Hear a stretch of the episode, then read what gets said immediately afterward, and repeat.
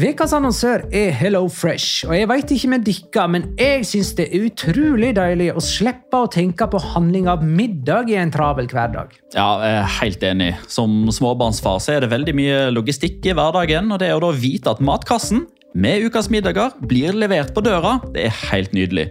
Da slipper du impulskjøp på butikken når blodsukkeret er lavt, og når du kommer hjem, kan du bare ta ut posen med dagens ingredienser fra kjøleskapet og sette i gang matlaginga. Ja, Du kan velge mellom 25 ulike retter hver uke. Og de har faktisk en egen kategori som heter Raskt og enkelt, med masse enkle og gode oppskrifter. Veldig greit å ikke måtte ty til takeaway hver gang det er hektisk på jobb. Jeg gleder meg spesielt til sterk chilikylling i min neste kasse. Jeg blir sulten bare av å tenke på det. Ja, Det er ikke feil med bacon og cheeseburger heller, da. Og det som også er bra, er at matkassen koster det samme hver uke, som gjør det enklere å holde matbudsjettet. Ja, og så blir det ikke matsvinn heller, fordi du får akkurat det du trenger til hver eneste rett. Hello Fresh kan absolutt anbefales, og bruker du koden vår, LIGALOCA, kan du få opptil 1779 kroner i rabatt på de fem første matkastene hvis du ikke har prøvd Hello Fresh tidligere. Du kan også prøve koden hvis du har avslutta abonnementet ditt for tolv måneder siden eller mer. Gå inn på hellofresh.no og bruk koden LIGALOCA. Bon appétit! Hallo? Jeg kommer fra Oslo politikammer.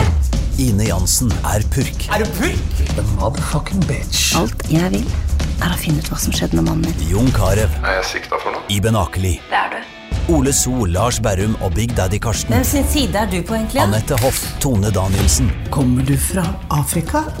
Jørnis Josef, Nesten. Kløfta. Trond Espen Seim. Det er synd å si det, men det var feil mann som døde. Purk. Premiere tirsdag på TV2 Play.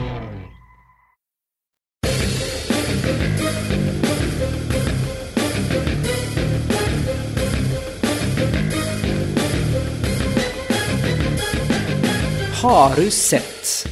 Vil du ha en runde for alle med latter, tåre og sinne, så velkommen til La Liga skal du være. Gerard Piquet grein sine modige tårer før både Guillamon og Navas letta på stemningen med latterlige sjølmål, mens runden ble krydra med ni røde kort, seks av de fordelt på to andre kamper. La liga loca. En litt gærnere fotball. Ja, ja, ja. Dette er La Liga låka episode 225 av det ordinære slaget med Jonas i Oslo sentrum. Hei. Shalom in the Thunderdome. Jonas Giæver heter du. Eh, Jonas Adnan Giæver, til og med. Mm. Var det riktig? Mange, mange navn. Ja, Ja, du kan, kan gå for Jæver, Giæver, Adnan Giæver, Adnan Giæver. Du bestemmer helt selv. Eh, Det gjør jeg. Og så hei til deg, Petter Veland i Spydeberg. Hei. God kveld! Og eh, jeg, Magnar Kvalvik, sitter i gamlebyen i Oslo. Hei, alle sammen. Hei, Magnar. Halla. Hei. Er det bare jeg som kjenner litt på eh, vemodet ved at dette var siste La Liga-helg i 2022? Nei, det tror jeg vi Altså, vi samtlige som- som er i denne innspillingen, burde vel kjenne litt på vemodet at vi snakker om det den 7. november. Um, hadde i hvert fall håpet på at det skulle være et par til, men uh, Vi må jo allerede nå begynne å planlegge hva vi skal gjøre på mandager framover. Ja, det er sant. Vi, vi pleier jo ikke å gjøre det, så nå må vi begynne å gjøre det på nytt igjen. Jeg syns det, eh, det er et underkommunisert, dette her med hva skal fotballinteresserte Eller liksom hvor, hvor mye belastning har det liksom ikke vært på fotballinteresserte denne høsten her? Altså, en, altså Ja, én ting er jo de som spiller disse kampene, men altså vi lever oss jo inn i det og ser masse kamper, vi òg. Det har jo knapt vært en eneste kveld ledig for oss som er fotballinteresserte, der vi faktisk kan gjøre noe annet med god samvittighet. Eh, nei, sant, det har nesten vært for mye mens det har stått på, og så blir det helt dødt uh, den neste måneden. I all, eller ja, neste halvannen måneden. I alle fall for de som ikke klarer å engasjere seg helt i dette VM-et. Uh, og så får nå det bli en individuell sak. Eh, men nå er det jo um, midtvekerunde i La Liga denne eh, veka her, og så er det altså Copa del Rey-kamper til helga. Så før La Liga-runde nummer 14 sparker i gang, så får vi ta en kjapp oppsummering av La Liga eh, runde 13. 13 før den blir helt uh, uaktuell. Jeg tar en uh, kjapp, liten oppsummering av det som skjedde i hver enkelt kamp av runde 13. Det starta med Girona mot Atletic Klubb. Den endte 2-1 til Girona og bekrefta at Atletic Klubb er skikkelig ute av form. De taper mot et lag som har vært enda dårligere enn de sjøl den siste tiden. Dette var Girona sin første seier på åtte seriekamper. Atletic har én seier på de siste seks. Getafe Cádiz endte 0-0, rundens mest forutsigbare resultat. Det var heller ikke overraskende at det var tre røde kort i den kampen. Valladolid Elche 2-1. Elche står fremdeles uten seier og har nå sparka sin andre trener for høsten. Jorge Almiron fikk bare fem kamper i sjefsstolen. Celta Vigo og Sassona 1-2. Celta Vigo har òg sparka sin trener Codet. Men det hjalp ikke mot Osasona. Celta Vigo er nå under nedrykksstreken. Osasona er nummer fem. Barcelona-Almeria endte 2-0. Barcelona tok altså tre poeng i Gerard Piquets avskjed med kamp nå. Atletico Madrid Español 1-1. Det betyr fire strake heimekamper i alle turneringer uten seier for Atletico, som er ute av tittelkamp, ute av Champions League og ute av Europa. Real Sociedad Valencia 1-1. Tre seriekamper på rad uten seier nå for Real Sociedad. Baskiske lag er ikke i vinden for tiden. Villarreal Mallorca 0-2. Et par timer etter at Unai Emery leder Aston Villa til seier mot Manchester United, leda igjen Setien Real til et heroisk tap mot Mallorca. Real Betis Sevilla 1-1. To mål her av Sevilla. Navas med sjølmål, for Godelj viste Guds høyre fot. Men det var flere røde kort enn mål i denne kampen, så skåringene kom litt i skyggen av alt det andre. Og så har vi enda ikke sett ferdig Rayo Vallecano mot Real Madrid. Men med ti minutter igjen av det oppgjøret, så leder Rayo Vallecano 3-2 på Vallecas. Det vil altså si at klokka er 22.40 når vi spiller inn denne episoden en mandagskveld.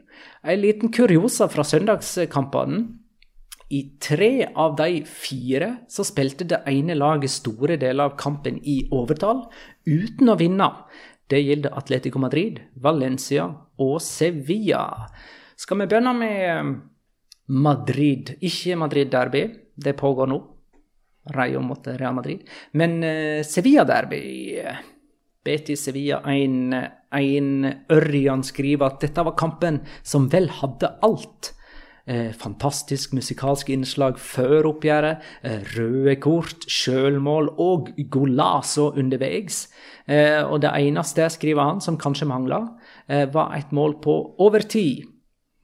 Og Hvis man legger til det som et straffemål, så hadde kampen virkelig hatt alt. Men av alt det andre man skal ha i en kamp som har alt, fikk vi jo ganske mye da.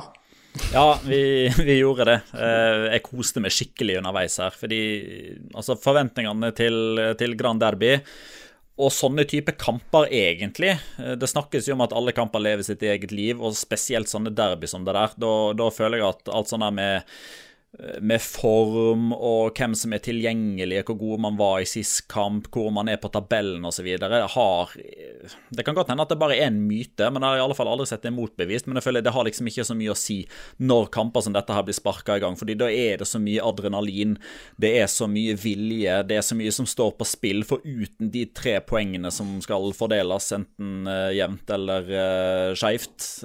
Og det var jo den kampen her et, et skikkelig bevis på greit at uh, Betis, når de tok ledelsen, så var det gjerne fortjent fordi man hadde vist mer fram til det osv. Men altså ut ifra spill, sjanser, så, så, samsvarer jo ikke det med hvordan tabellsituasjonen var, hvordan stemninga i de to klubbene var. Og så syns jeg det var, det var litt sånn deilig at det endelig var sånn skikkelig sånn kaosderby igjen. Jeg syns så lenge man holder seg liksom innenfor det som er etisk greit, så lenge ingen blir alvorlig skada, så lenge ingen blir slått ned, så lenge ingen hiver plastrør fra tribunen, som var tilfellet i, i januar, eh, så syns jeg det at det, eh, det skal trøkkes til. Det skal være taklinger, det må gjerne bli utvisninger etc. Så det, jeg koste meg skikkelig i det derbyet her.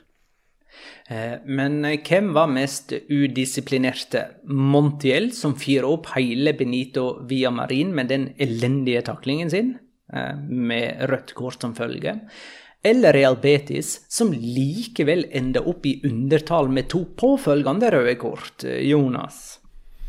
Ja, Med tanke på at Montiel takler begge knærne til Alex Moreno, så er det vel kanskje litt sånn 1-1 akkurat der, tenker jeg. Nei, jeg syns altså sånn Oppsummert så er vel kanskje Betis verst, men jeg syns at Montiels oppførsel i etterkant av en så horribel takling egentlig bare er um, Altså, Selv om det er et derby, selv om Montiel er argentiner, selv om han har opplevd veldig mye som River-spiller, sikkert i mange kamper mot Boca Juniors sin karriere, så hører det ingen steds hjemme. Og at man da klarer å protestere på seg uh, holdt på å si, det som gjerne kunne blitt en utvisning til, så så blir man bare sittende og riste litt på hodet. Jeg syns f.eks. Borja Iglesias hadde kanskje en, en, nesten verre takling på John Jordan, der han nesten tråkker han ned i leggen. Men han er sånn med en gang hendene opp Oi, her har jeg driti meg ut. Og da han da får det røde kortet, så er jo det litt sånn Det er utrolig kjipt, men jeg forstår hvorfor jeg faktisk må av banen, kjære dommer. Um, så um, der har nok kanskje Montiel noe å lære av, uh, av sin motstander. Ja, det er jo min det er jo, altså Montiel sin oppførsel der er jo i utgangspunktet det som jeg syns er mest uh, locora etter den, den runden her. Um, men så blir jo Altså, du har jo et godt poeng, Jonas, med hans argentinske bakgrunn. Han har spilt for River Plate, og det var jo òg et par som, som, kommenterte det på den, på den, tweeten som jeg la ut, liksom at ja, dette var liksom et ordentlig Grand Derby med masse røde kort osv. Og, så og så var det vel en kamp i Argentina med mellom eh, Racing Club og Boca Juniors eh, og hadde en fotballkamp kunne snakka, og snakka engelsk, så hadde han vel sagt 'hold my beer'. Eh, og det er vel kanskje litt av det som er liksom de bak, bakenliggende årsakene til at Gonzalo Montiel håper jeg, mister det. For han får jo gult først, og så får Sanchez Martinez beskjed om å gå ut og se på monitor, og han trenger jo ikke se på den i mer enn et sekund før han snur seg og løper tilbake og gir det røde kortet. Og det, det, er, liksom, det, det er så langt nede på eh, håper jeg, godkjentlista, eh, at man da ja, bruker faktisk to minutter på å komme seg av banen. Og du sier det, Jonas, at han kanskje kunne ha protestert på seg et rødt til. Det han gjør, er å protestere på seg flere kampers karantene, fordi det er innrapportert til mm. forbundet at når han passerte fjerdedommer, så tok han hodet til tinninga og sa 'dere er gale', dere er gale'. Men uh, her er det Real Betis som kjemper om en Champions League-plass. Og her har de også uh, fått Montiel utvist, dvs. Si de Betis spiller 11 mot 10. De tar ledelsen. Og det å klare å pådra seg to røde kort etter det Og selvfølgelig da en utligning som bare må komme mot slutten av kampen, det syns jeg det vitner ikke om et lag som, som kjemper der oppe. Eh, den, delen av seg sjøl må de stramme inn. Jonas? Jeg er enig med deg der, for så vidt, altså. Men jeg, jeg må få sagt det at hvis det hadde vært samtlige andre spillere enn Papo Gomez som Nabil Fekir skulle prøve å fekte av seg, så hadde de ikke truffet hodet. Altså, Papo Gomez er 1,67 høy. Altså, det, det, er egentlig bare nesten uheldig at Fekir treffer han i ansiktet, men det er jo også typisk Nabil Faker da, å bli litt sånn irritert og bli litt sånn sur og skulle rive unna spillere ved å fekte vekk med armene sine og dermed få et rødt kort. Så den, det er jo kanskje det eneste sånn virkelig huemiste, mens jeg syns virkelig Borja Iglesias er bare ekstremt uheldig, da. Men, øh, men, ja, du har et poeng, Magnar. Men de ligger fremdeles på, på fjerdeplass, da, Betis? De gjør det. Det gjør de. Uh, Sebastian Sirnes skriver Betis har spilt 13 kamper, og det har blitt utlevert åtte røde kort en form for rekord? Uh, har de fått åtte, eller i kampene nei, deres? i kampene deres. Ja, nei, det, Da kan jeg nesten love at det ikke er rekord. Men, men, men jeg har lyst til å dvele litt med Nabil Fikir der, og den liksom skylddelinga der. fordi Altså, Jeg er jo blant de som eh, blant, blant, de mange som mener at det er liksom det er artistene og magikerne som må liksom beskyttes av dommerne. Og det er jo ingen som blir hakka mer på hælene og holdt mer i trøya og passa godt på som Nabil Fikir. Så jeg, jeg, er litt sånn, jeg klarer ikke helt å bli enig med meg sjøl hvem som egentlig liksom har mest skyld i dette her. Om det er dommerne som ikke klarer å slå mest ned på det Fikir blir, Fikir blir utsatt for før han jeg håper jeg mister det litt, eller om skylda ligger mest på Fikir, som tross alt mister det. Altså, Dette er det sjette røde kortet til Nabil Fikir, og i alle fall fire av de er sånn Dette kunne du spart deg for. Altså, han lar seg fyre. Og da er det litt sånn man kan mene mye om dommerne i Spania, om at de er gode, og at de er dårlige, men alle vet hvor lista ligger, og Fikir lar seg lure igjen og igjen og igjen. og igjen. Ja, men, men, en ting som er verdt å ta med der, at det må jo gå inn i scouting-rapporter og inn i altså, analyse fra folk i de ulike lagene at det, han her kan vi terge opp. Altså, Bare sparken litt på hæla, dytt litt på han. Vær litt røff med han, for han kommer til å klikke. Han kommer til å gjøre noe dumt. Altså, Hadde jeg vært analytiker for hvilket som helst lag i La Liga og skulle spille mot Betis, så er det første tingen jeg skriver terg opp Nabil Fikir mest mulig, for han kommer til å eksplodere. Og det har skjedd så mange ganger, som du sier, Petter. Og det kommer til å fortsette å skje. Men jeg tror at det at det skjer, gjør også at alle de andre tingene med Nabil Fikir skjer. Altså magi, magien han utøver. Jeg tror du får liksom det ene med det andre. Eh, det har blitt delt ut 48 røde kort på 103 Sevilla-derbys i Primera. Eh, og den eneste duellen som har produsert flere røde kort, er Barcelona-Español med 56. Men der har det vel òg blitt spilt flere kamper, for uh, Bar uh, altså Barcelona har jo vært evig til stede i premiera, og det er ikke mange sesonger Español ikke har vært det heller. Nei, det er helt riktig. Og så er det også, der òg har du liksom Noen ganger så, så er det enkeltkamper som tar en håper jeg, total eh, historisk eh, kontekst, eh, eller tar eh, Hvordan skal jeg formulere meg? Eh, for å si det på en annen måte, da, for å begynne på et nytt resonnement. Eh, det har vært to kamper, i alle fall mellom Español og Barcelona, som har inneholdt fem, henholdsvis fem og seks gule kort. Så elleve av de har kommet i to forskjellige kamper der det var fullstendig kaos. Ja, fem og seks røde kort. Ja. Uh, mm. uh, og, og, på tredjeplass på den lista kommer for øvrig El Derbi Madrileño med 44, altså fire røde kort færre enn uh, Sevilla Derby. Hva sier du, Jonas? Ja, du, må det, du, må ta det, morsomme, da, Magnar. Det er jo, du sa det var 48 røde kort mellom Betis og Sevilla. 24 til Sevilla, 24 til Betis. Det kan ikke bli jevnere. Det er ganske kult, syns jeg. en annen morsom ting er kanskje ikke så morsomt, men interessant. Dette er første primære kamp eh, noensinne med tre røde kort som følge av videodømming. For hoveddommer han dømte jo ikke rødt kort eh, i utgangspunktet ved noen av de tilfellene. Um, men her kommer en morofakta, og det er at uh, Jesus Navas sitt uh, sjølmål For det første så var det hans første ballberøring i kampen, og for det andre så var det hans første skåring i Sevilla Derby på hans 24 oppgjør. Um, Håkin spilte ikke kampen, så la oss håpe at begge to får en ny mulighet i vår. Ja. ja. Um, Endre Tengren skriver Vil nominasjonene til sesongens mål kun være et utvalg av Godelje sine fantastiske langskudd? Uh, hva har skjedd der, egentlig? Har han plutselig oppdaga sjøl at han er god til å skyte fra distanse, eller har han bare ikke benytta seg av den evna før nå? Der, der syns jeg faktisk uh, våre venner uh, i TV 2 uh, De stilte det spørsmålet i postmatch-intervju eh, rundt hvorfor han, hva er det som har skjedd. Og han sa jo det til, til TV 2 at altså Han har jo alltid visst at han har hatt et godt skudd. Altså Han har alltid hatt troa på seg selv fra distanse, men han, han er bare ikke der så ofte. Altså Det er ikke så ofte Nemanja Godel beveger seg så høyt i banen. Men, men da hadde liksom dyttet Betes litt lenger ned på, på, egen halvdel, og da fikk han muligheten. Og da lå ballen til rette, og det gjorde han jo flere ganger, og da klemte han til. Og da ser vi jo at det er nesten som å se Dennis Kolodin, som en del av oss ble kjent med i EM i 2008, som bl.a. skjøt fra midtbanen og testet Edvin van de Sar. Så kanskje vi, vi snart får noe lignende fra, fra Godel. Har vi en runden spillernominasjon fra denne kampen, da?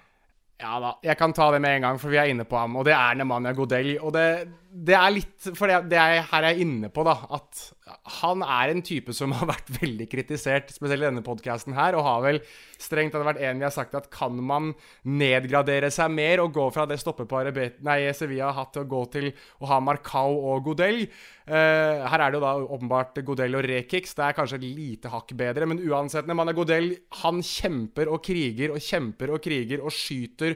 Og når kampen er over, og han står i knestående, og det ser ut som han gråter fordi han ikke har klart å hamre ballen i mål på, slutten fordi Claudio Bravo varter opp med en helt enorm redning, nei, da, da synes jeg at uh, Nemanja Godel fortjener å bli nominert til, uh, til rundens spiller. Har vi enda flere rundenspillernominasjoner fra denne kampen her, da, Petter? Ja, jeg, jeg syns det er en eh, midtstopper til eh, som fortjener å få litt, eh, litt ros her. Eh, Edgar... Endelig Karim Rekik! Endelig Karim Rekik! Nei, sorry altså, Karim. Eh, du kan prøve igjen eh, på vårparten. og det var heller ikke Herman Petzella, for han var ute som Bambi på isen et par ganger. men den som redder det på mange måter for Betis her, som jo spiller da i undertall i stort sett hele andre omgangen, der, det er Edgar Gonzales. Og han begynner, han begynner å vokse skikkelig på meg. Det var en sånn altså, La oss innrømme det. Det var, det var litt stopp i spillet her eh, underveis. Eh, det var anledning for producer å kjøre noen replay compilation. Eh, og en av de han kjørte, var jo en sånn kvadruppelvariant med enormt gode stopperinngripener av Edgar Gonzales, der han enten sklir inn, klarerer, står på riktig plass til rett tid eller vinner en duell. Eh, så jeg synes rett og slett at den som presterte best fotballmessig Uh, i kaoset ute på Benito Villamarin, det var Edgar Gonzales. Men jeg forstår òg at man er god del for overskriftene fordi han var mer eh, jeg, delaktig i form av scoring. Uh, har ikke du en locora herifra, du? Det var Montiel, det, så den tok jeg i stad. Den har du allerede tatt. Neimen, så bra. Eh, Sevilla møter Real Sociedad hjemme på onsdag. Det kan jo hende at eh, det gir dem mulighet for seier, med tanke på eh, Lareal sin eh, form om dagen. Valencia um, er vertskap for Real Betis på Mestalla torsdag. Hva ville du si, Jonas?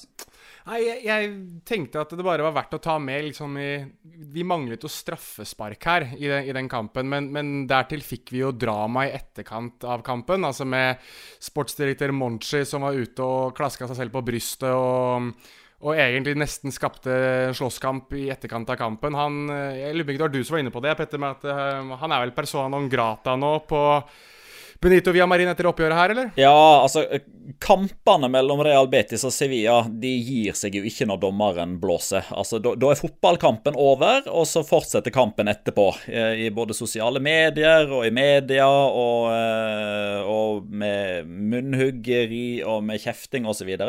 Det ble jo litt eh, rabalder ute på gresset og i spillertunnelen i etterkant av Monchi sin, sine gester opp mot Sevilla-publikummet. Det lot jo Betis-benken seg på provosere av. Eh, så rapportene skal ha det til at eh, Monchi nå er i ferd med å bli erklært persona non grata. Han kommer ikke til å bli invitert til Benito Villamarin neste gang lagene skal spille kamp der. Og så har Sevilla da naturligvis eh, jeg, slått tilbake igjen med bortimot samme mynt ved å melde Betis sin TIFO før kamp inn til Anti antivoldkomiteen til La Liga, for de mener at eh, det banneret, da, som vel var en eh, Det var en form for escape room. Jeg skal være såpass ærlig og si at jeg har ikke helt sett hva det er som er så gale med det, men de mener at det ikke bare opp eh, At det ikke bare liksom indikerer vold, men at det òg oppfordrer til vold til Escape Room-bannere eh, oppfordra til vold? Ja, nei, de, de detaljene la ikke jeg heller merke til. Men jeg, jeg så vel mer på teksten enn eh, illustrasjonen i det banneret. Eh, Sevilla møter for øvrig PSV i Europaligaen, dvs. Si i det som vel er en slags kvalifisering til åttedelsfinale. Real Betis er jo videre til åttedelsfinale som gruppevinner. Eh, og i La Liga så kom altså Sevilla seg eh, så vidt ut av rett over nedrykksstreken med dette uavgjort resultatet. Eh, hvis vi nå beveger oss til kamp nå, der Barcelona slo Almeria 2-0, så kan vi jo snakka litt om Gerard Piquet, som har 769 offisielle kamper som proff.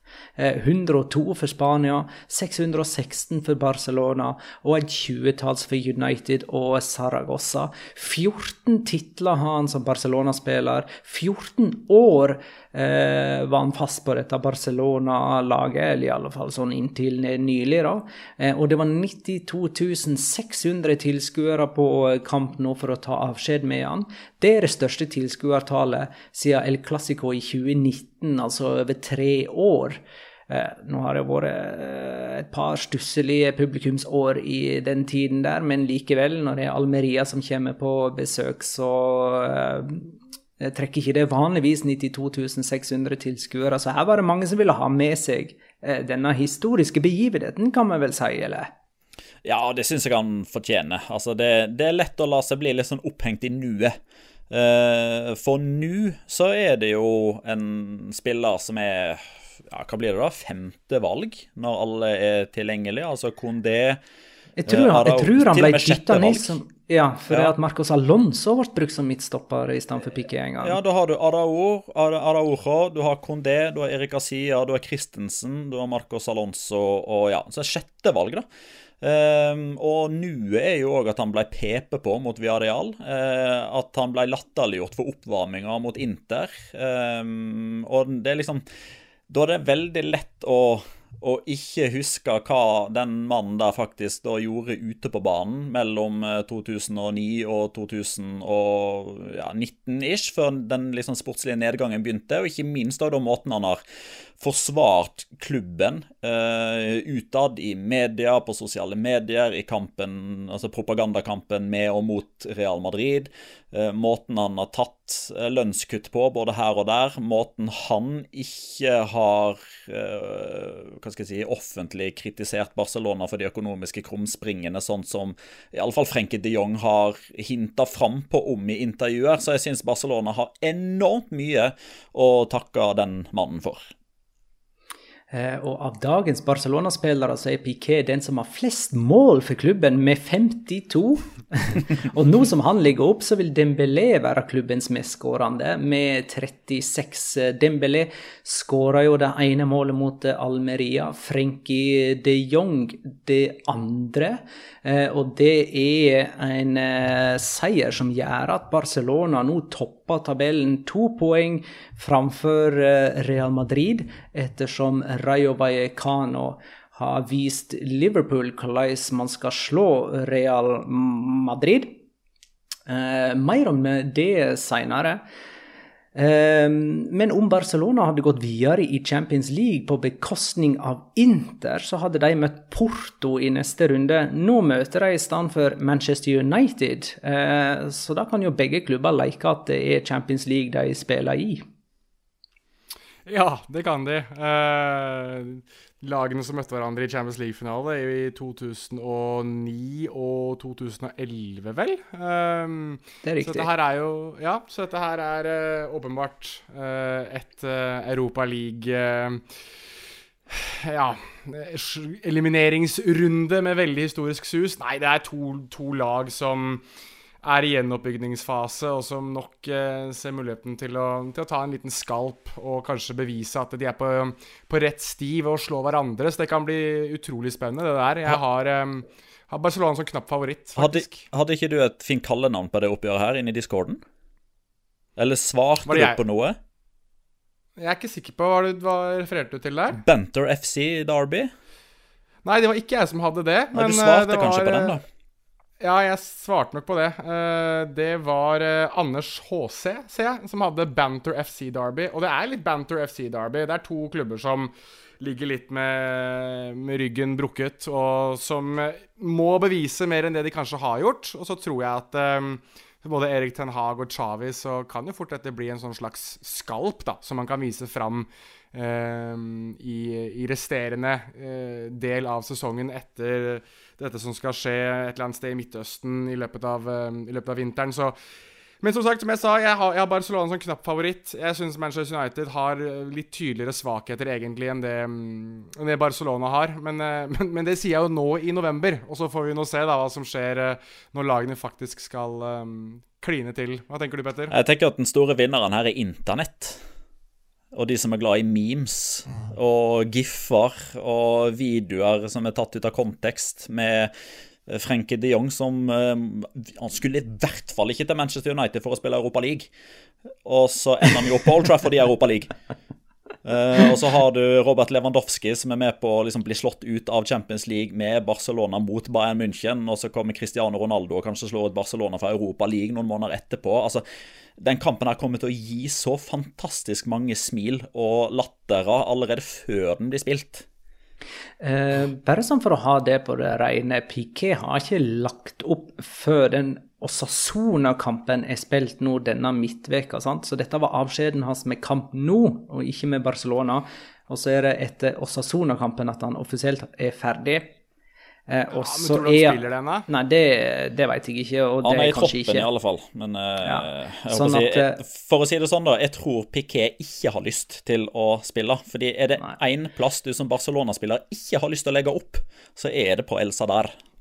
Eh, og det er litt eh, moro. Vi vi kan eh, snakke litt mer om Osasona etterpå, men det er altså Barcelona sin neste motstander. Før jeg forlater Barcelona, så vil jeg bare nevne at de ikke har sluppet inn et eneste mål på kamp nå i La Liga. De har bare fire baklengs på 13 seriekamper. Tre av de baklengsmålene kom jo mot Real Madrid. De har holdt nullen i 11 av sine 13 eh, seriekamper, Barcelona. Vi hopper videre til Med mindre det var Jeg har glemt noen runden spillere eller Locora-opplegg fra den kampen. Det har jeg ikke. Vi går videre til Atletico Español, som altså endte 1-1. Her fikk altså Español eh, Cabrera utvist Når var det? Det var i det 28. minutt.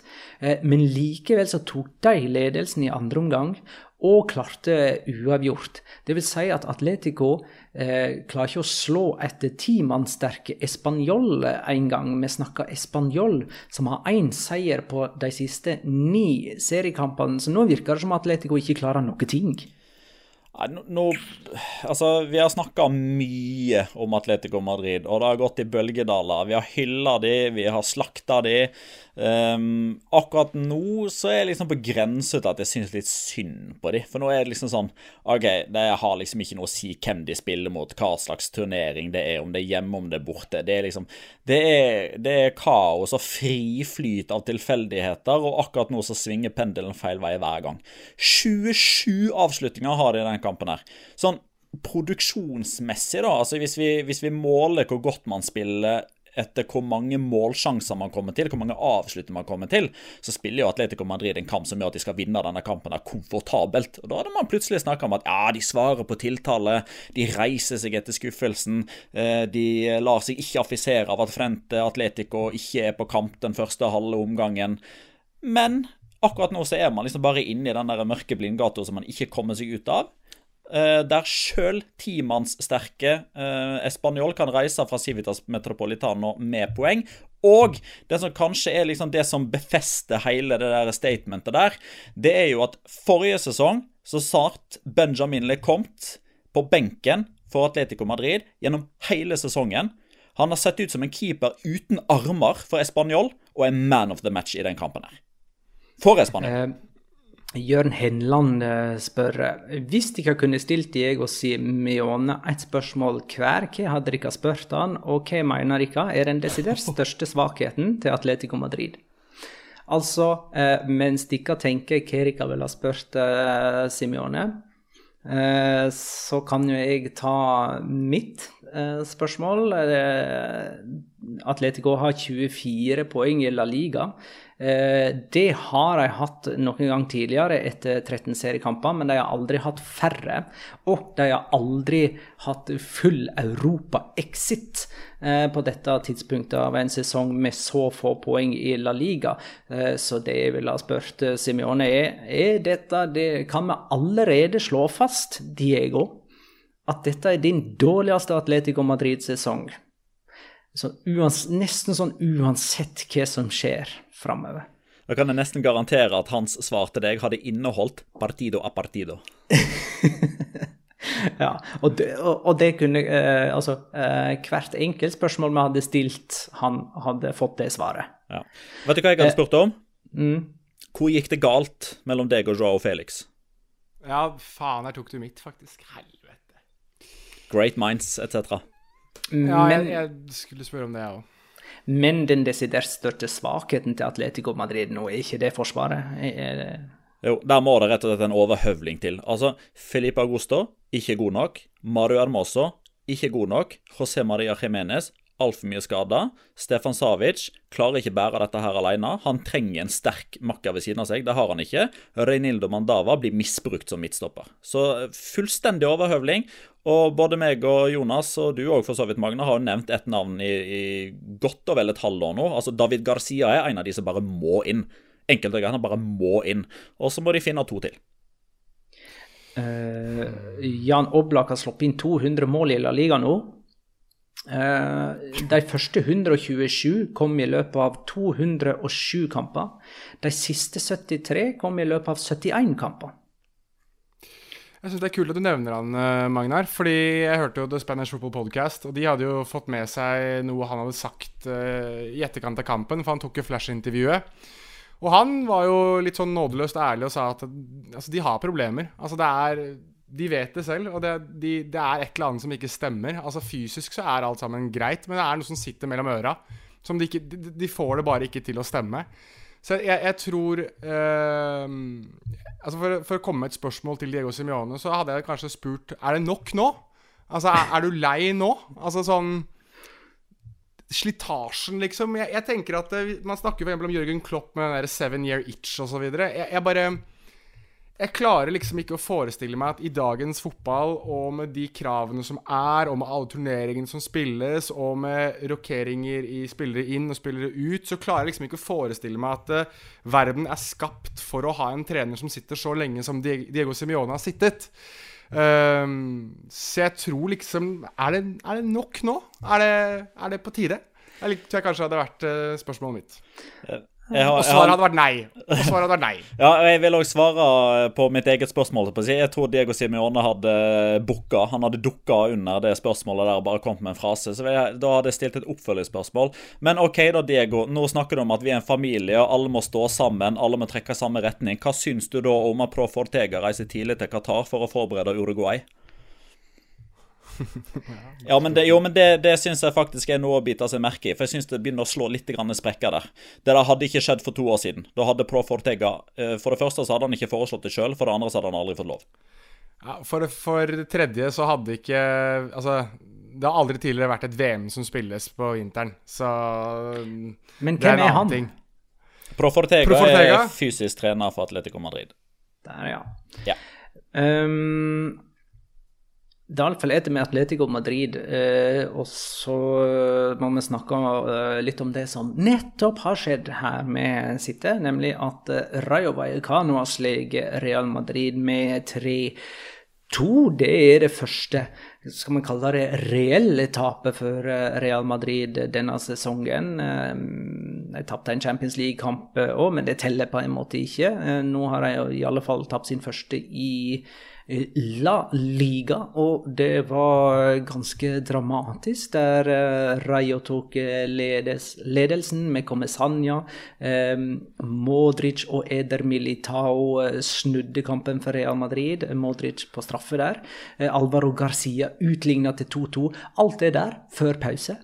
Og så skåra Oskar, Oscar Trejo på straffe for eh, Rayo i andre omgang. Og der fikk han vel to forsøk, fordi at eh, Courtois, som redda den første, tok begge føtter utafor streken.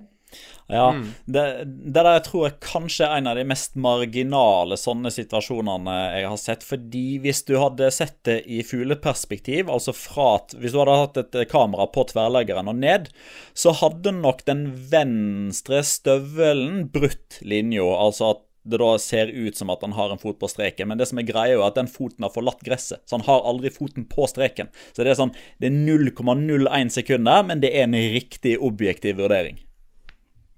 Eh, og det er litt morsomt, det her, for um, Real Madrid de hadde en vanskelig kamp for ikke så veldig lenge siden. Jo, de slo Sevilla. Eh, og da hadde de igjen eh, bare eh, Girona, Rayo Vallecano og Cádiz før vinterpausen. Og jeg sa at det blir jo ni greie poeng. Og de har ikke klart å ta en trepoenger i noen av de eh, foreløpig. De har spilt uavgjort mot Girona, tapte mot Rayo og møter altså Cádiz. Eh, Det blir vel torsdag der, da? Gjør det.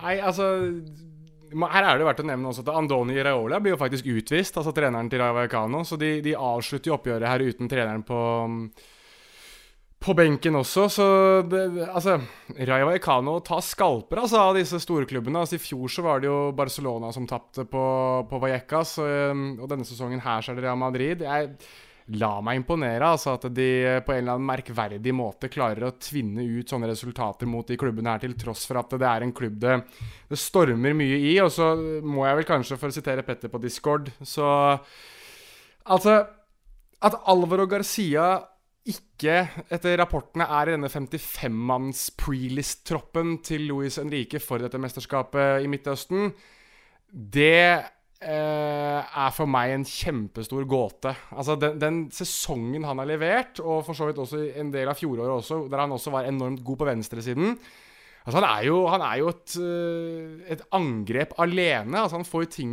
til å skje helt på egen hånd. Han er jo perfekt å dytte innpå i typ det 60. minutt når det butter litt imot, og han kommer til å skape ubalanse alene. Han er, han er alt det jeg prøvde å innbille oss at Adama Traoré var for Barcelona. Og mer til. Men altså, men altså, en ting er jo at du også kan hive han innpå når det butter litt imot, i, i håp om liksom å få noe ut av venstrefoten hans osv. Men det er jo perfekt å hive han innpå når eh, de har tatt 1-0, og de skal begynne å bare spille, spille, spille, spille, spille, spille, og motstanderen blir eh, lurt til å komme høyere og høyere og høyere, høyere, høyere på banen, og så bang inn bak. Altså, han, han er ikke Pedro. Eh, la oss ikke gå crazy i vår omtale av Alvaro Garcia. Eh, men, Det men det er mye likt, og han kan tilby det i 2022 som Pedro eh, kunne bjuda på i 2010 og 2012. Um, og han, han skårer jo mål i dag. Altså Han skyter altså så hardt at Tibor Courtois ikke klarer å stoppe ballen. Altså Han får endra retning, men han klarer rett og slett ikke å stoppe den. Og han framprøver òg straffesparket. Og heldigvis for de patrions som eh, fulgte den blinde høna som finner korn iblant, framprovoserte gult kort på Danny Carvajal òg. Eh, Rayo er på åttendeplass. De har nå tre strake seire i La Liga, og det inkluderer borte mot Sevilla og hjemme mot Real Madrid. Eh, Real Madrid trakk for øvrig tidligere i dag Liverpool som sin motstander i Champions League. Var det det verste de kunne trekke? Enten Ja, det var vel PSG, det. PSG kanskje. eller ja. ja, jeg tror kanskje PSG hadde vært hakket verre, med tanke på at PSG ser De ser like sterke ut som de pleier, i den grad man kan måle de ut ifra den ligamålestokken, der de er i utgangspunktet fullstendig overlegne og har 70% av lønnsbudsjettet til hele ligaen. Uh, ja, det var det vel Javier Tebas som bjeffa om når Superligaen var et eh, tema her uh, for noen uker siden. Eh, men òg fordi jeg syns altså, Ja, Liverpool slår tilbake igjen og vinner på Tottenham Hotspur Stadium, og de har slått Manchester City tidligere denne sesongen, men at, men at de har tatt et steg tilbake snarere enn et steg fram siden forrige gang de møtte, syns jeg er liksom ganske åpenbart. Og så er det òg det mentale overtaket som, eh, som Real Madrid har nå, med finaleseier i i f- 1. juni, f- finaleseier i 2018, slo de ut i 2021-sesongen og tok vel førsteplassen når de var i gruppa i jeg, forrige gang de møttes i Champions League. Og det er sånn sett fire innbyrdes på rad der Real Madrid har tatt de, det, det sitter nok litt i huet på Liverpool-spillerne. Da går vi til Real Sociedad Valencia, som endte 1-1 på Anoeta. Der tok altså Real Sociedad ledelsen i det tiende minutt, og så fikk de Elustondo utvist i det fjortende. Eh, og så kom utligningsmålet til Valencia i det 25., og da skulle en kanskje tro at Valencia skulle ta dette her hjem, men eh, de skåra ikke flere mål, og det var vel Real Sociedad, og spesielt Sørloth, som var nærmeste scoring. Eh, Sørloth hadde to gigantiske sjanser mm, mot elleve Valencia-spillere. Ja, Du sier elleve, da, men Marcos André starta jo for Valencia, så det er jo som ti å regne, egentlig. Riktig. Uh, nei, men du har rett. Uh, men altså Hva skal man si for noe? Altså, Real Sociedad er jeg, jeg er mektig imponert over det de får til. da Altså Nok en gang denne sesongen her. Det er noen skader, det er noen noen spillere som kanskje mangler, men de, de, de har så dominans selv med, med en mann mindre på banen. Altså I hvert fall fysisk. Um, jeg, jeg, Valencia de, de, de har altså Det er veldig rart, altså sånn egentlig. Fordi eh, Og det er ikke meningen å være morsom, eh, men det er faktisk sånn det er blitt. At Valencia under General Gattuso er sometimes maybe good, sometimes maybe shit. Altså. De er, det er virkelig sånn de er, og det er sånn de framstår. I den kampen her så er de shit, egentlig. De får ingenting til å stemme. De er, jeg syns de har noen gode, noen gode angrep og noen gode framstøt. Og den skåringa til Samuel Lino er oppriktig talt etter et godt angrep, syns jeg. Men, men de, de, henger i tauene, altså. Og det er bare marginer som gjør at uh, Altså, det er et, en av de sjansene Sørloth bommer på, der han liksom står og ser liksom helt sånn Er det mulig? Er det mulig at jeg klarte å bomme her? Du ser bare at han nesten ikke klarer å forstå det selv. Og det Jeg håper bare veldig for Sørloth sin del at ikke han kommer inn i en sånn periode nå hvor han begynner å bli usikker, og han begynner å liksom At han begynner å miste litt selvtillit, da. For han har liksom Det virker som han har hatt litt eh, for vane å gjøre det. At når det butter imot, så faller han litt igjennom. Så jeg håper han slipper unna det nå. Chris Robin Eriksen skriver de skårer ikke mange mål enda, men de kåres stadig vekk til man of the match. Er de verdsatt høyt av de som gir ut banens besteprisen, eller er de bare jævlig gode, Sørloth og Jorge Pleia? Uh, nei, for jeg syns i hvert fall uh, Jorge Playa har uh, vært god. Altså, han er jo kjempegod i det oppbyggende. Sørloth er jo ofte Altså, han er oppspillspunkt, og, og således så er han jo veldig synlig. Jeg vil jo tro at veldig mange av disse som deler ut kampens beste spillere, også tenker at uh, den spilleren som er mest synlig, er den som har påvirket kampen mest, og er derfor most valuable player, som det har blitt nå, etter at Budwiser ikke lenger er hovedsponsor, og dermed ikke er king of the match. Et spørsmål også fra Geir Halvor Kleiva. Eh, hvis Gattusso kunne ha henta to av sine gamle lagkamerater i sin prime og bruke dem, hvem tror vi han hadde gått for? Eh, og da kan jo Han spilte aldri med Kavani, sant? Nei, han, han, spilte aldri med Kavani, men han har spilt mot han, tror jeg. Men uh, Sjefsjenko, da? En sånn en hadde han henta. Ja, altså, Insinuerer du at de trenger en målskårer? Ja, det gjør jeg. Ja. Spilte sammen med Kaká, da. Mye. Mm, ja. Um, men de trenger ja. mye. Uh, han spilte ikke han med Nesta. Jo, jeg skulle si Nesta. Jeg skulle si Alessandro Nesta selv. Jeg skulle si Nesta og Spilte sammen med Maldini òg. Men ikke i primen til Maldini, da. Nei, Maldini var, var jo... han var godt oppi Han var vel ja, 32-33-ish, Maldini. Ja. ja.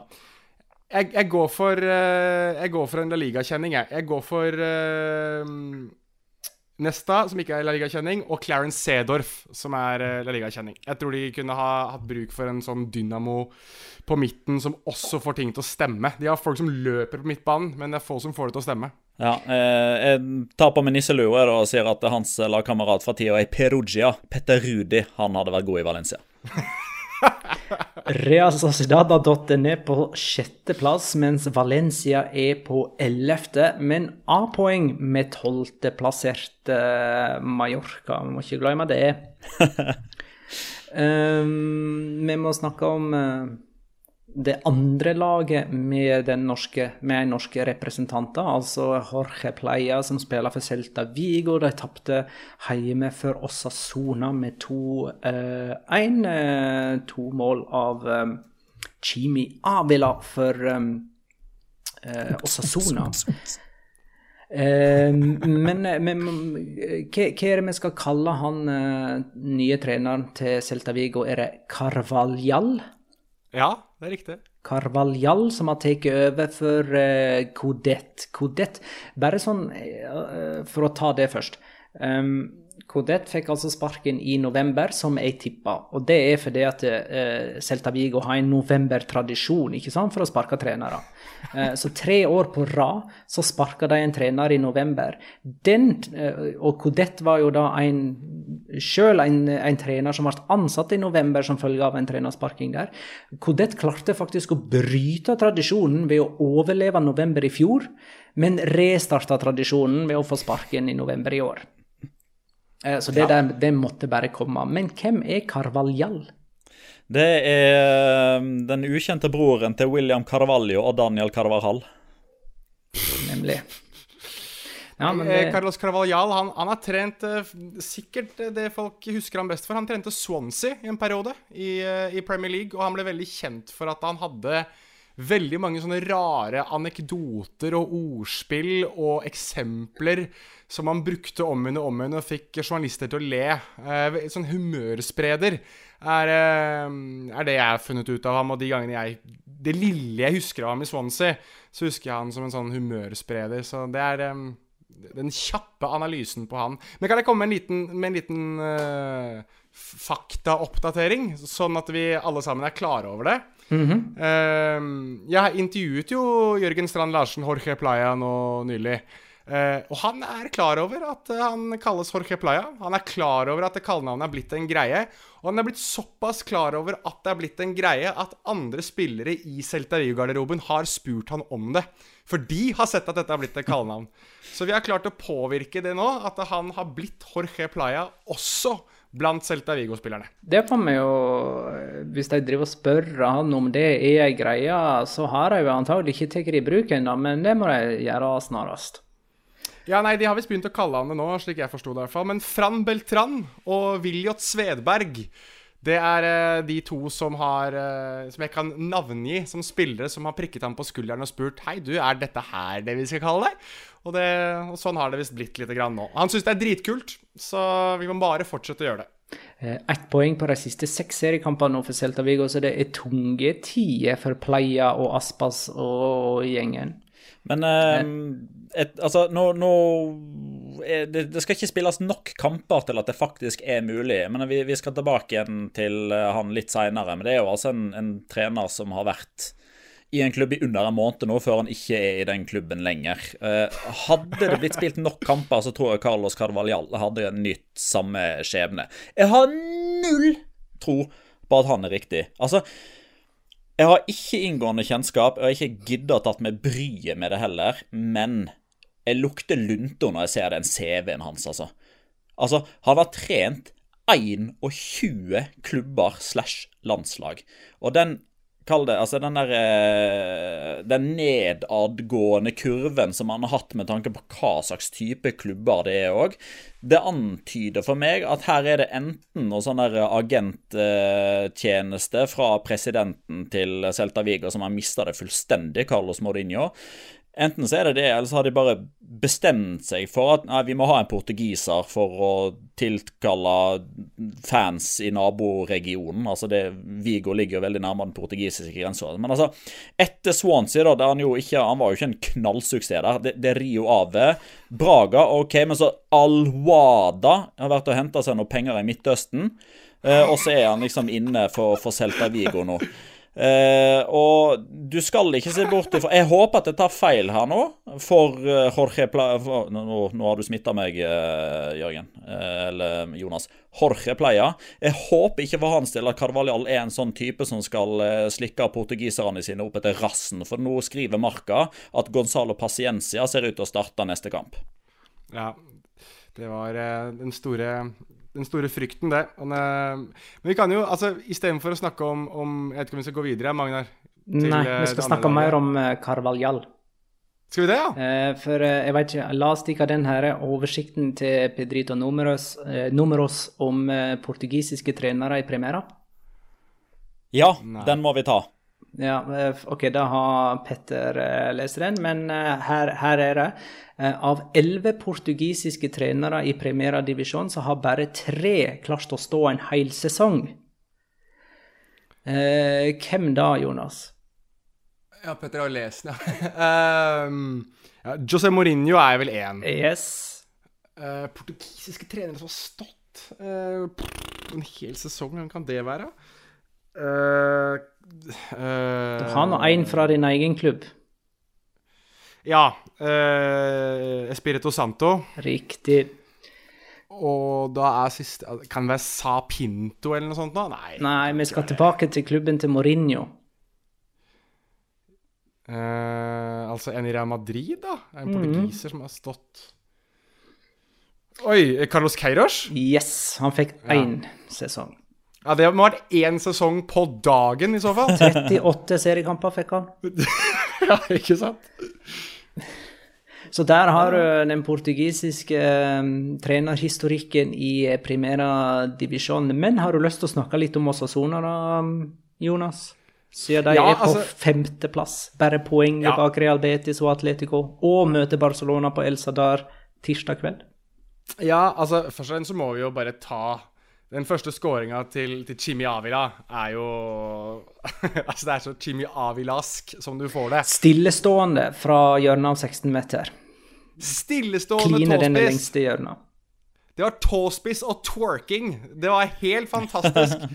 den, Akkurat sånn jeg ville se det. Og den headingen han hadde, den kom òg fra en viss distanse, så der brukte han tyrenakken sin. Altså, ja, Jimmy, altså, Jimmy Avila og, Jimmy Avila og tåspiss Jeg kan se for meg at det brukes til to ting. Den første så vi på søndag. Den andre er å sparke til bussen når han ikke rekker den. så min rundenspillernominasjon, det er Jimmy Avila. Eh, og nok sagt om det. Vi hopper nå videre til Villarreal Mallorca, som altså endte 0-2 på Ciutat de Valencia. Eh, for fire år siden så brukte Villarreal 50 dager på å reversere et trenerbytte, da Calleja først fikk sparken i desember, men ble reansatt i januar. Den operasjonen tror jeg ikke de kan gjenta, samme hvor mye de vil ha Emeri tilbake for før sett igjen. Åh, er det mulig? Du, det kan jeg bare få ta en morostatistikk. Eh, Villarreal hadde her 72% ballbesittelse og tapte altså 2-0 for Mallorca. Og mot Lech Poznan hadde de 73% ballbesittelse og tapte 3-0. Eh, og eh, nye Pedrito Numeros Stats. Eh, lag som har hatt mest ballbesittelse så langt denne sesongen, har 48 seire og 49 tap. Um, kan, vi, kan, jeg, før Petter skal få lov til å si hva han mener Jeg, jeg, kan bare ta én si ting til. Uh, igjen har som primærtrener flere tap enn seire. Han har 67 tap mot 66 uh, seire. Og han er den første Viareal-treneren som taper sine to første La Liga-kamper. Så spørsmålet er er igjen en bra trener. Vet du hva jeg frykter nå? Kan jeg, kan jeg bare si det først, Petter? Eh, du skal være, altså, Sett igjen skal være fryktelig glad for at det ikke er Christian Bragarnik som eier Viareal. Det er alt jeg har å si. Ja, men altså, jeg frykter at nå er vi der at eh, Magnar hver eneste episode kan komme med sånne negative tweets om Viareal i ett sett igjen. Det kan fort skje, men det, det kommer jo litt an på hvordan de faktisk gjør det. Eh, dette er jo bare observasjoner av fakta. Ja, men vet du hva? Sånn underliggende, helt enig med håper jeg, alt som blir sagt her, at det, det, ser ikke bra ut. Eh, jeg var litt sånn flåsete i den tweeten min om at eh, Europaliga-trofeet til Emeri snart er glemt, når jeg ser at eh, han spiller ball i hatt med Manchester United eh, i Premier League eh, samtidig, bortimot så at eh, Viadial-skuta hans er i ferd med å synke med nødkaptein sett igjen ved roret. Men jeg syns han har et poeng som, som er valid og greit når han blir altså han blir, han blir spurt etter kampen her, hva, hva syns du om at det allerede nå kommer Kike vet det ja-rop eh, fra tribunen? Eh, og det stemmer jo. Det, det kom det fra. Eh, og så har det blitt sagt fra noen at det er Valencia-supportere som har lurt seg inn der for å skape litt dårlig stemning om at de spiller på Levante sin hjemmebane, som ligger i Valencia. Eh, men det er, det er misnøye med hvordan eh, starten er. Men det, det, er to ting som jeg biter meg merke i. Det eneste der er at eh, han har, han har sagt at de har, de, har, knapt hatt en vanlig trening. Knapt hatt vanlig trening. Han kommer inn midt i sesong. Han tar over to dager før de skal spille mot Hapoel Bercheva. Så er det kamp igjen på søndag, så er det kamp igjen på torsdag, og så er det kamp igjen på søndag. De har knapt hatt trening. Han har ikke fått lov til å komme med noen jeg, innspill til hvordan han ønsker å spille fotball med, det får de vurdere han på etter eh, det mesterskapet som blir spilt i november og desember, når han har fått muligheten til å endre laget. Samtidig så er det også riktig som Pau Tordes sier, at den spillerstallen som Viareal har nå, er skreddersydd skreddersydd til Unai Emeri fotball. Det er han som sammen med sportsdirektør eh, og sønnen til presidenten har håndplukka Etienne Capo, håndplukka Juan Foyt, håndplukka Giovanni Lo Celso for at de skal spille på nøyaktig den måten, og så har Kike igjen bare tatt over det og i hermetegn fått det i fanget. Det er liksom formildende omstendigheter som må med, men 100% altfor dårlig start, og det ser ikke bra ut. Eh, min locora er fra denne kampen. Eh, og det er en statistisk lokora. Mallorca har skåra tolv mål så langt i La Liga, og ingen av dem med høyre. Åtte har kommet med venstre, fire med hodet. Det er gøy. Mm, tenkte at neste kamp vi kunne ta litt om, er Valladolid Elche som altså endte med 2-1 til Vaidolid. Eh, hvem er det som tar over Elche nå etter at Jorge Almiron er den første andre som får sparken eh, derifra denne høsten? Jeg har, tre, jeg har tre, tips. Det blir, en, det blir, enten Francisco som kommer tilbake igjen. Å oh, nei, det var visst ikke lov, det. Eh, Fran Escriba, som alltid er en sånn eh, mann som blir tatt opp av hatten. Eller så kommer Bragarnik til å ty noe sånt som Mariano Campodonico. Eh, og han veit jeg kun hvem er fordi jeg gikk eh, systematisk til verk for å finne ut hvem som trener laget som endte sist på nivå 2 i Argentina. Han trener Sacachispas fotballklubb. De kom sist på argentinsk nivå 2. Det tipper jeg er neste kanin opp av hatten fra Borganic. Ja, jeg kommer med, med to navn, jeg, da. Du får være seriøs, du da, Jonas. Jeg skal være seriøs, faktisk. Eh, og det ene navnet som blir ikke overraska Peppe Bordalas. Det er det ene navnet. Eh, han har sikkert eh, veldig mye han har lyst til å svare på, og veldig mange kritikere han har lyst til å motbevise, og veldig mange pressekonferanser han skal være potte sur i framover. Eh, det er det ene. Og så er det det andre som er litt mer bragarnisk, og det er Sebastian Beccaceche. Det er eh, gamle treneren til Universidad de Chile. Han var assistenten til Jorge Sampaoli. Um, og vært en type som har gått litt eh, på vandring i, i søramerikanske klubber. Og jeg tror han er representert av Bragarnik og har vært nevnt som en mulig eh, Elche-trener før. Så det ville vært typisk om ikke han får en mulighet nå. Og hvis du tenker deg hvordan Jorge Sampaoli ser ut, med, med håret altså, som ikke har hår og skjegg og sånn, så er Becca Cheche rake motsetningen, med langt, flagrende hår. Jeg tar med litt informasjon på slutten. da. Eh, det er jo Sergio Mantecon som igjen da kommer til å være midlertidig trener fram til Baganic bestemmer seg. Og ifølge La Información, som er lokalaviser rundt Elche der, så er det to, tre navn som blir nevnt. Det er José Bordalas. Og det er også Joaquin Caparos, som visstnok er de to de liker mest, men som visstnok er vanskelige alternativer. Og så er det Paco Lopez som, som framstår som favoritt per nå. Eh, det er verdt å nevne at Elche fortsatt ikke har en eneste seier. De har fire poeng etter 13 seriekamper, og da minner jeg om at Cordoba, Granada og Malaga er de som har prestert de verste primærsesongene etter millennieskiftet, eh, med 20 poeng hver på 38 kamper. Den eh, kan bli utfordra av Elche denne sesongen. Er det Carlos Klerk da, som er nå i like før han har 38 seriekamper på rad uten seier? Er ikke han 35 eller noe nå? 34-35 kamper uten seier på rad? Det er snart en hel sesong, da, altså. Ja, riktig. Jeg veit ikke om han spilte den, da. Jo da. Ja, ok. Jo, jo, ja, Da begynner han å nærme seg for alvor.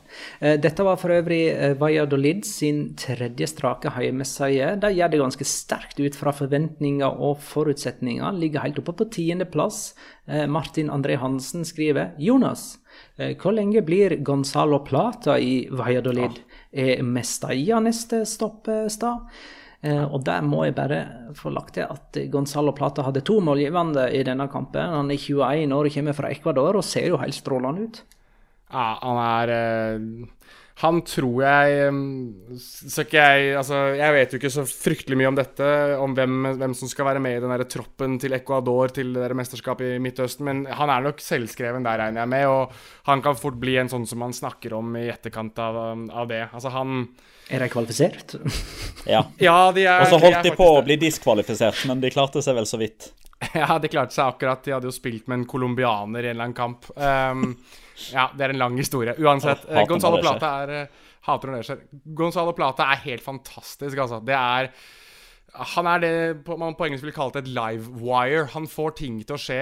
Eh, jeg syns Valladolid er litt sånn halvgrå, med noen morsomme innslag. Moncho blant annet syns jeg er gøy. Men Gonzalo Plata er altfor god for dette Valladolid-laget. Han kommer til å spille for ja, Villarreal, Sevilla, Betis, Atletico Madrid neste sesong. Bitte lite, bitte lite fun fact der. Gonzalo Plata er den andre, spillere, andre spilleren i La Liga-historien som har et etternavn som på spansk er et uh, kjemisk eh, grunnstoff, som har et atomnummer. Plata er jo sølv på spansk. Den andre er Fernando Hierro, og. Hierro på spansk er jo stål. Ja. Nei, jern. Jern.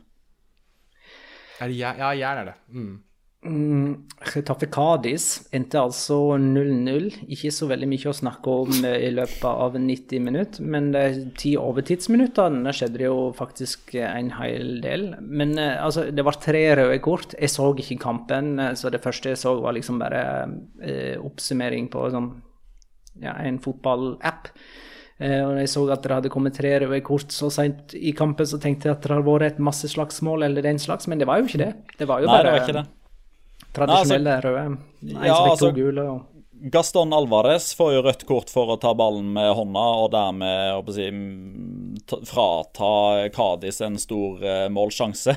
Og Det som er mest komisk, er jo Porto. Han protesterer på seg sitt eh, andre gule når han Altså, han, han hører ikke etter når dommer liksom gir beskjed om at du må stå der og der i muren, og så står han og protesterer, og så må han liksom gå eh, kanossagang, jeg vet ikke om det er riktig, men walk of shame i alle fall. Eh, og eh, Cardis-fansen som eh, reiser, bare roper 'tonto, tonto'.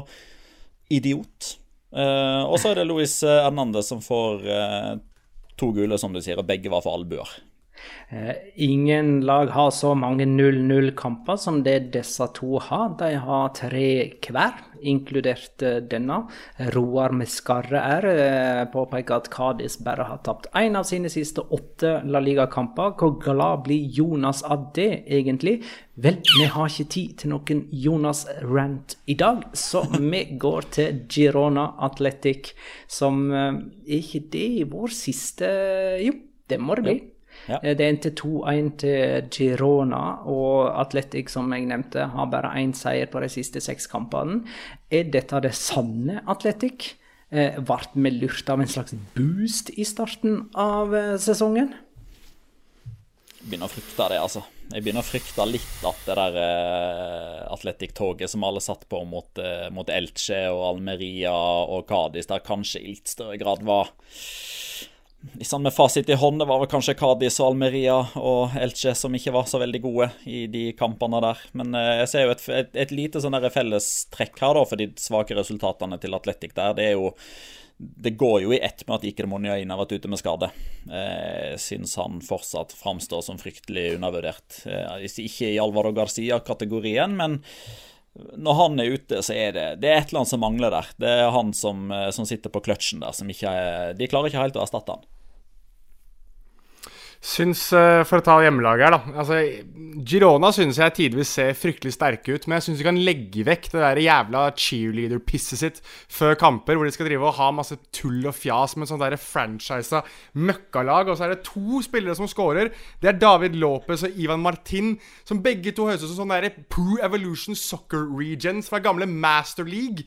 Altså, skal de, skal de ha en fotballklubb, så får de bygge det på en ordentlig måte, og ikke kaste seg etter det Manchester City har orkestrert dem til å bedrive. Jeg er i Girona, selv om de er egentlig ganske gode. Så begynn å oppføre dere som en helt vanlig jævla fotballklubb. Vær så snill. Sånn. Der kom ranten. Ja, det blir bare plassert litt sånn randomly rundt omkring der det bare er sånn for å få plass. Jeg, må, jeg måtte fyre meg litt opp i dag. Skal vi kåre runden spiller? Vi har nominert Godelj, Jeg tror det er Godelj og ikke godelg. Eh, og Ja, I Spania så sier de godeli. Og Eh, ja, godeli. tror- Det er veldig jeg- mye jeg- forskjellig der. Jeg tror de sier godeli. Eh, for at de ikke klarer å ta den J-en på slutten, eh, eller et eller annet sånt. Jeg er ikke helt sikker. Altså, for J-en deres blir jo mer sånn eh, Så, men eh, jeg sjekka det på Forvo. Godeli, sa de der. Eh, og Edgar Gonzales er nominert, og Chimi Avila.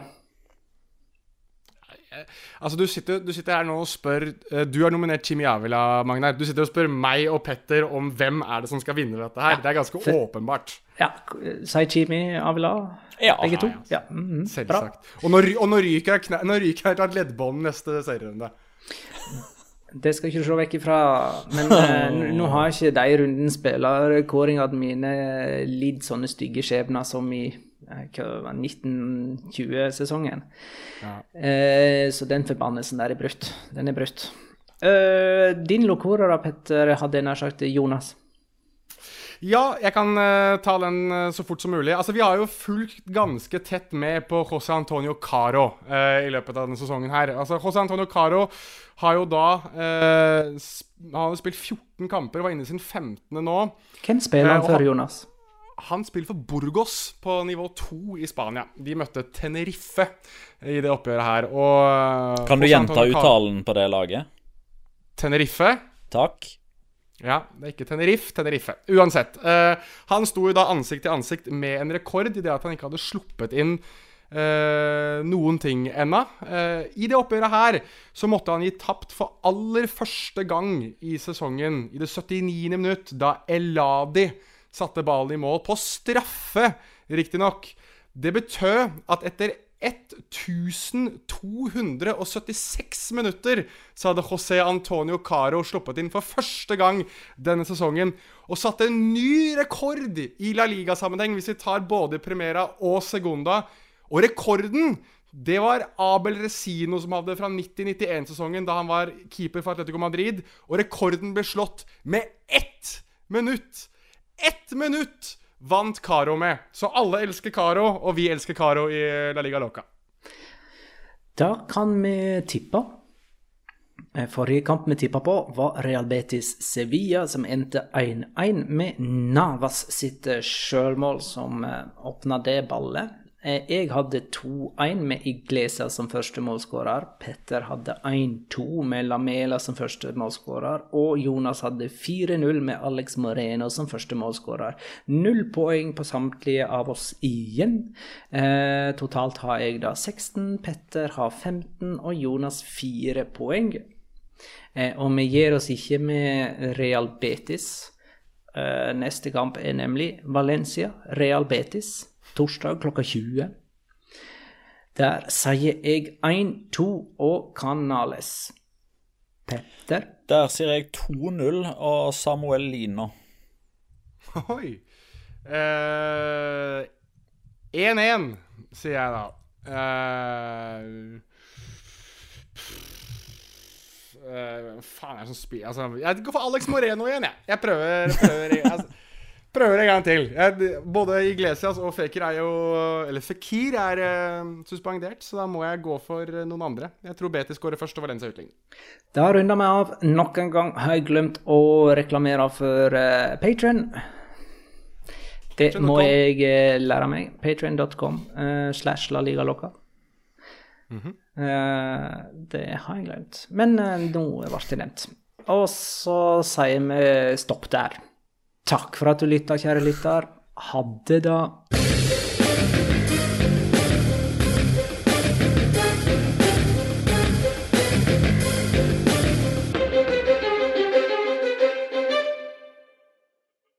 Har du et enkeltpersonforetak eller en liten bedrift? Da er du sikkert lei av å høre meg snakke om hvor enkelt det er med kvitteringer og bilag i fiken, så vi eh, gir oss her, vi.